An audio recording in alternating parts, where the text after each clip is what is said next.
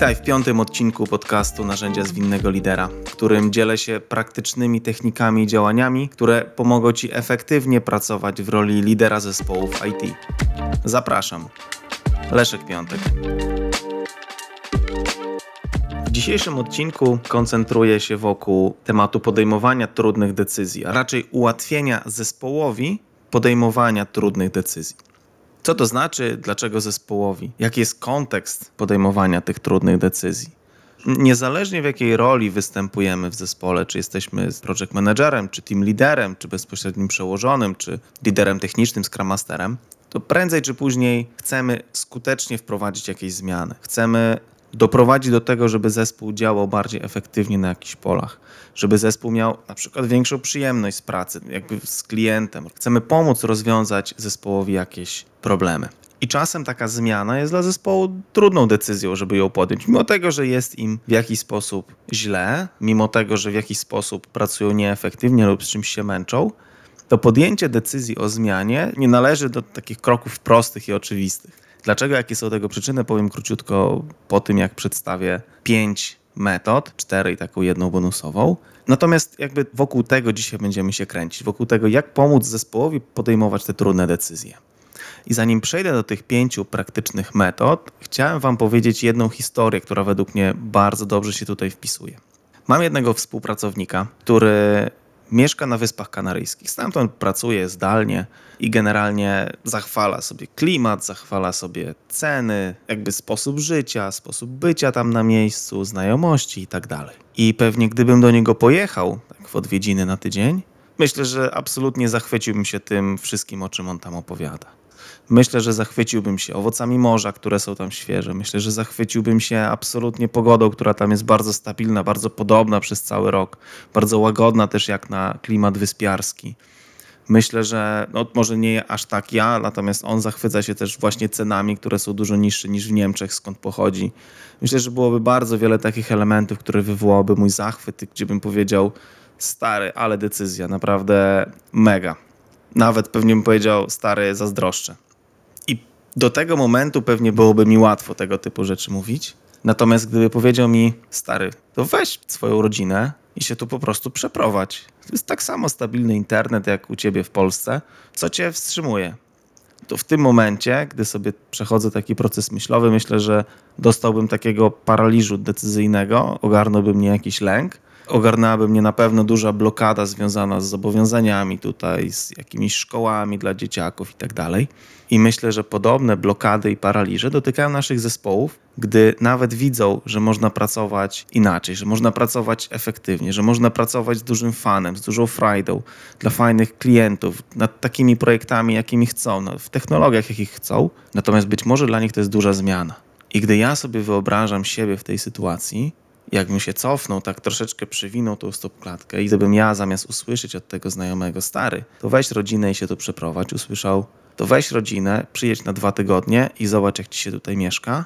Myślę, że moje podejście byłoby absolutnie inne, mimo tego, że de facto doświadczyłbym tego samego. Gdybym po tym pierwszym zdaniu mówiącym o przeprowadzce, po dwóch tygodniach stwierdził, no dobra, nie podoba mi się, wracam, pewnie nic by mnie nie blokowało przed powrotem, no chyba, żebym sobie gdzieś tam pozatrzaskiwał drzwi i sprzedał mieszkanie. Natomiast samo w sobie podejście do tego tematu jakby absolutnie zmienia wszystko. I na tej historii e, będę to przekładał na te pięć sposobów. Więc można pomóc zespołowi podejmować czasami duże decyzje dotyczące, nie wiem, zmiany współpracy między sobą, zmiany współpracy z klientem, może zmiany w ogóle procesu, e, może procesu wytwarzania oprogramowania, może procesu związanego z jakimś planowaniem i egzekucją itd. Tak itd. Tak Sposób numer jeden. Potraktuj zmianę jako eksperyment. Pod tym sposobem jest ciekawość. Wzbudź ciekawość w zespole. Zamiast podejmować ostateczną decyzję, powiedz: spróbujmy, potraktujmy to jako eksperyment, zaeksperymentujmy z tym, zaeksperymentujmy z tą zmianą. Oczywiście, żeby eksperyment był przeprowadzony właściwie, dojdźcie wspólnie do tego, co chcecie osiągnąć tym eksperymentem, co chcecie sprawdzić, czy działa lepiej, czy nie. Nazwijcie to, nazwijcie to tak dobrze, konkretnie, jak się da. Następnie odhaczcie sobie punkt, jak sprawdzimy, czy nasza ta wdrożona zmiana jest na plus, czy nie? Czy ona działa, czy nie? Czy działa lepiej, czy działa gorzej? Jak to sprawdzimy? To druga rzecz po tym, co chcemy osiągnąć. Jaki, jaki problem atakujemy? Jak sprawdzimy, czy to działa, czy nie? Być może już na starcie mamy rozbieżne opinie w zespole lub więcej niż jeden pomysł, więc może już na samym początku zaplanujmy, że zrobimy kilka eksperymentów, a nie jeden. No i punkt kolejny tutaj do odhaczenia, no to jest zaplanujmy, kiedy konkretnie sprawdzimy, czy to działa, czy nie. Punkt pierwszy, potraktuj zmianę jako eksperyment, wzbudź ciekawość w zespole. Punkt drugi, bardzo płynnie powiązany z punktem pierwszym, bardzo tak konkretnie i wręcz ostatni, ten taki bullet point, który powiedziałem, jest sposobem drugim, czyli dodaj ramy czasowe dla zmiany.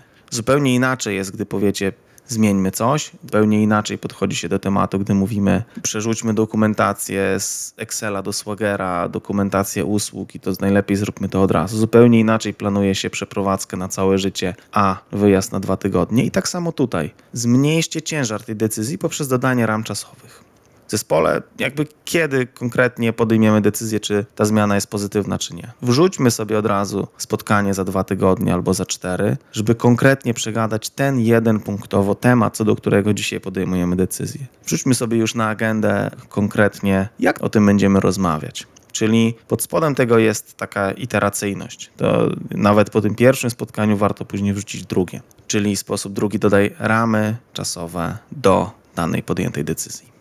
Trzeci, punkt trzeci to jest jeden z takich moich ulubionych punktów.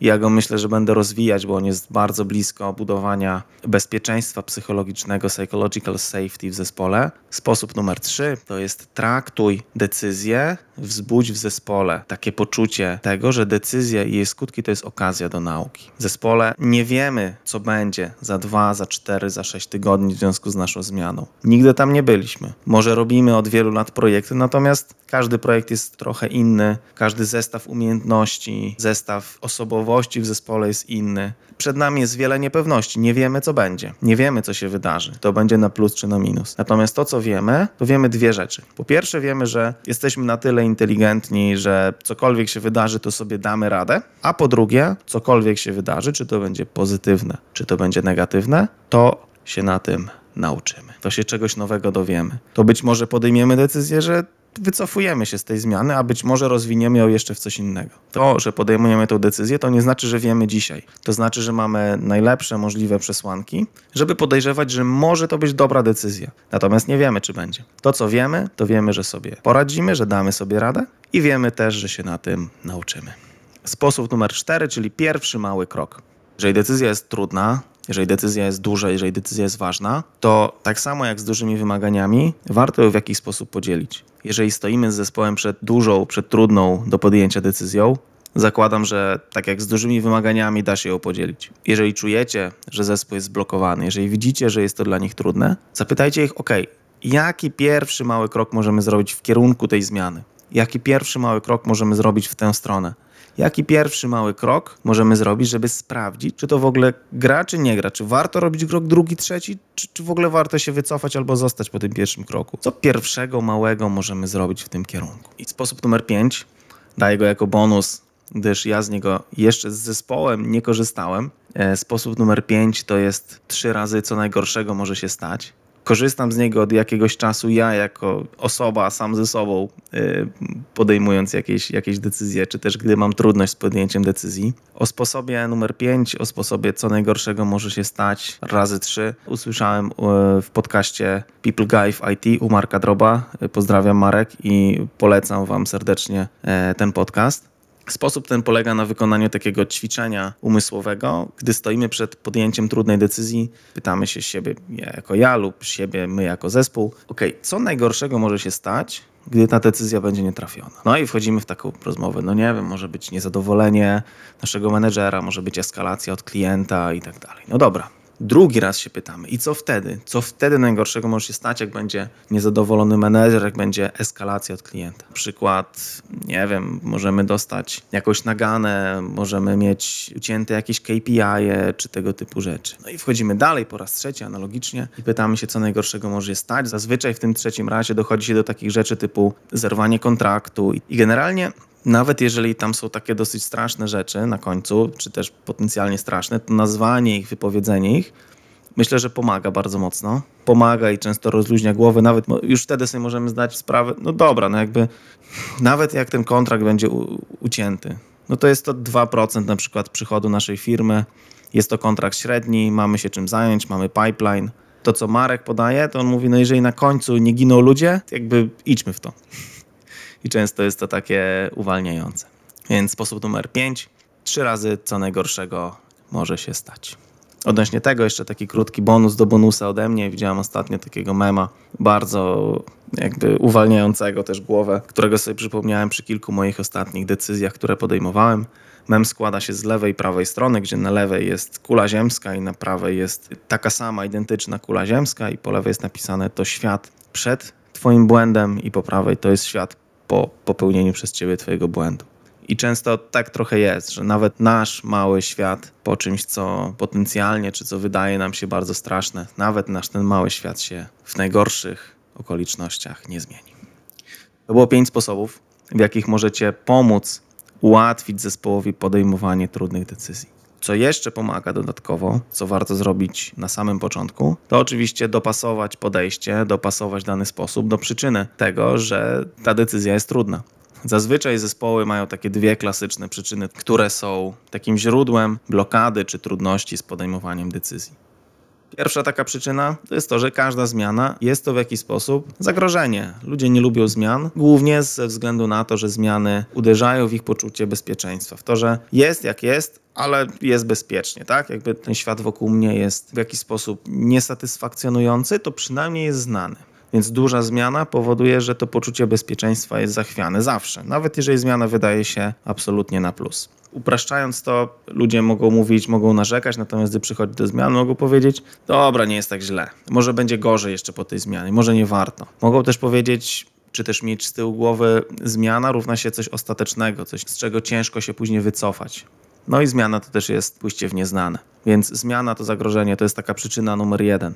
Przyczyna numer dwa, taka, która się przewija też bardzo często, to jest już tego próbowaliśmy. Próbowaliśmy już czegoś podobnego, albo z tym klientem to nic się nie zmieni. Próbowaliśmy już tylu rzeczy e, różnych, że kolejna jakaś tam może inna, ok, no ale ten klient nie słucha. To jest taka rezygnacja, że, że już na przykład pięć razy zgłaszaliśmy naszemu menedżerowi, że warto inaczej podchodzić do różnych tematów w firmie. Nie ma sensu iść z jakąś szóstą propozycją. Szkoda naszego czasu. Szkoda, żebyśmy się tu spalali, róbmy swoje. To są takie dwie przyczyny, które ja osobiście spotykam najczęściej w zespołach, które blokują, które utrudniają podejmowanie przez zespół trudnych decyzji i eksperymentowanie. I myślę, że na te dwie przyczyny, te pięć sposobów, które podałem, będą bardzo pomocne. To tyle na dziś.